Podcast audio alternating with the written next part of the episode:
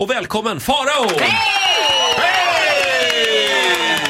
Ja, det är så spännande. Farao eh, kommer hit och är lite hemlig den här morgonen. Du har ett scoop. Ja, det är dags för mig att bryta ny mark i paradisets hotell. Va? Paradise Hotel! Ska du vara med i Paradise Hotel? Ja! Jag är med i juryn till Paradise Hotel. Är det en jury? Ja, så här är det. Att, det är nämligen så här att det är ett program som heter Paradise Hotel Förspelet. Ah. Ja, just det. Där. Med Och Samir. vem Ja. är mer given att ha ett förspel än mig, Mm. Samir Badran, Cirkus Scott och Emma Knyckare? Ni ska alltså välja ut de som sen skickas till Paradise Hotel. Ja, så här.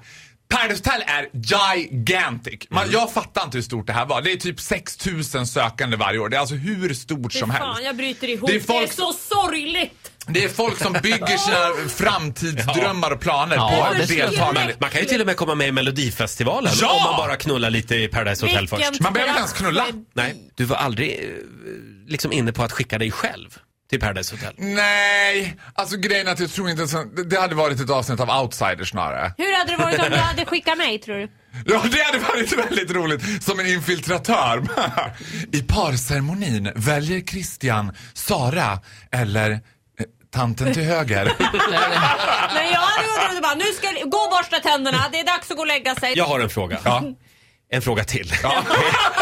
Eh, Eftersom jag också är besatt av Paradise Hotel Ja. så undrar jag, kan du säga någonting om deltagarna? Ja. För, för det är väl inspelat, och- inspelat och klart antar jag? Nu ser jag när de sitter och svettas uppe på TV3.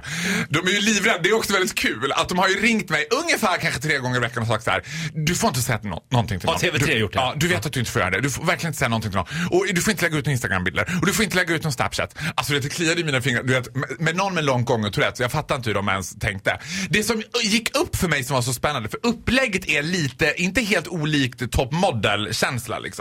Och jag intog ganska fort rollen som the feisty Tyra Banks. Bitchen. Ja, jag var verkligen bitchen i juryn. Jag var liksom Kirsti Tomita. Jag var den här som de bara, det var det, usch. Men grejen man ser så här hur tårkanalerna börjar fyllas, hur de skakar lite, hur otroligt viktigt det här är för dem. Det är sådär. Er resa slutar här och jag bara Det behövs en bitterbög i varje jury. Läs Alexander Bard. De här unga människorna har ju en sån jäkla uppförsbacke i livet i alla fall Mm. och så kommer du Nej men det har de inte! Har det de har de inte? inte. Tio av, tio av tio var såhär, ah, jag vet du det, jobbar som bartender. Man kan säga vad man vill om de här killarna som sökte, men det är safta och sylta i trosorna på mig varenda jävla gång det kommer en ny kille. Alltså det var ett helvete och jag bara, kan de inte bara skicka mig? Kan jag få byta kön för en månad och bara åka till Paradise Hotel och ligga av mig? Jo men det är ju något med de där lite puckade, lite självgoda, lite för vältränade och lite solkyssta killarna som gärna bjuder till. Men vadå, är det här attraktivt tycker du? Allt det du Nej! beskrev där var för mig direkt ja, Ja, frånstötande. men man behöver väl inte prata med dem? Nej men det Nej. är det här jag menar, ni tar för lätt på saker och ting. Det är väl klart man ska ha pratat med den man ligger med, man ska veta Ja, ja, vad den ja, Mm. ja, personen heter. Grejen är så här, man ska också vara så här. jag tog ju det här väldigt seriöst. Jag vill ju leta efter någon som är... Shut the fuck up Titti! Ja, det, det är seriöst. Det här var seriöst. Mm. Ja, det är seriöst. För det var seriöst för dem. Ja, ja.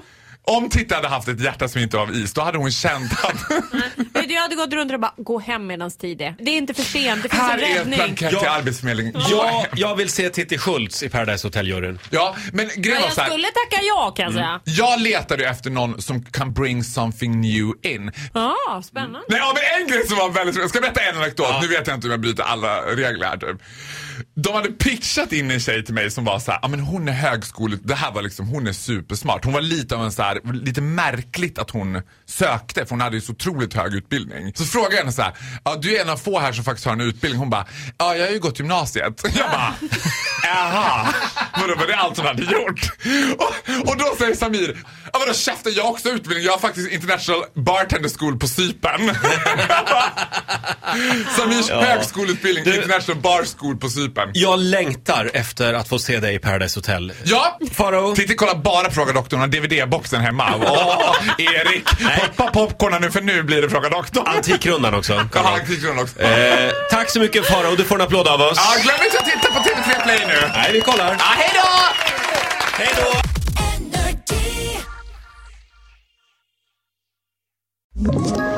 Ett poddtips från Podplay. I podden Något Kaiko garanterar östgötarna Brutti och jag, Davva, dig en stor dos skratt.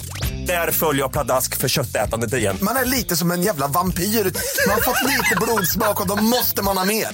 Udda spaningar, fängslande anekdoter och en och annan arg rant. Jag måste ha mitt kaffe på morgonen för annars är jag ingen trevlig människa. Då är du ingen trevlig människa, punkt. Något Kaiko, hör du på Podplay. Därför arkadeinerna.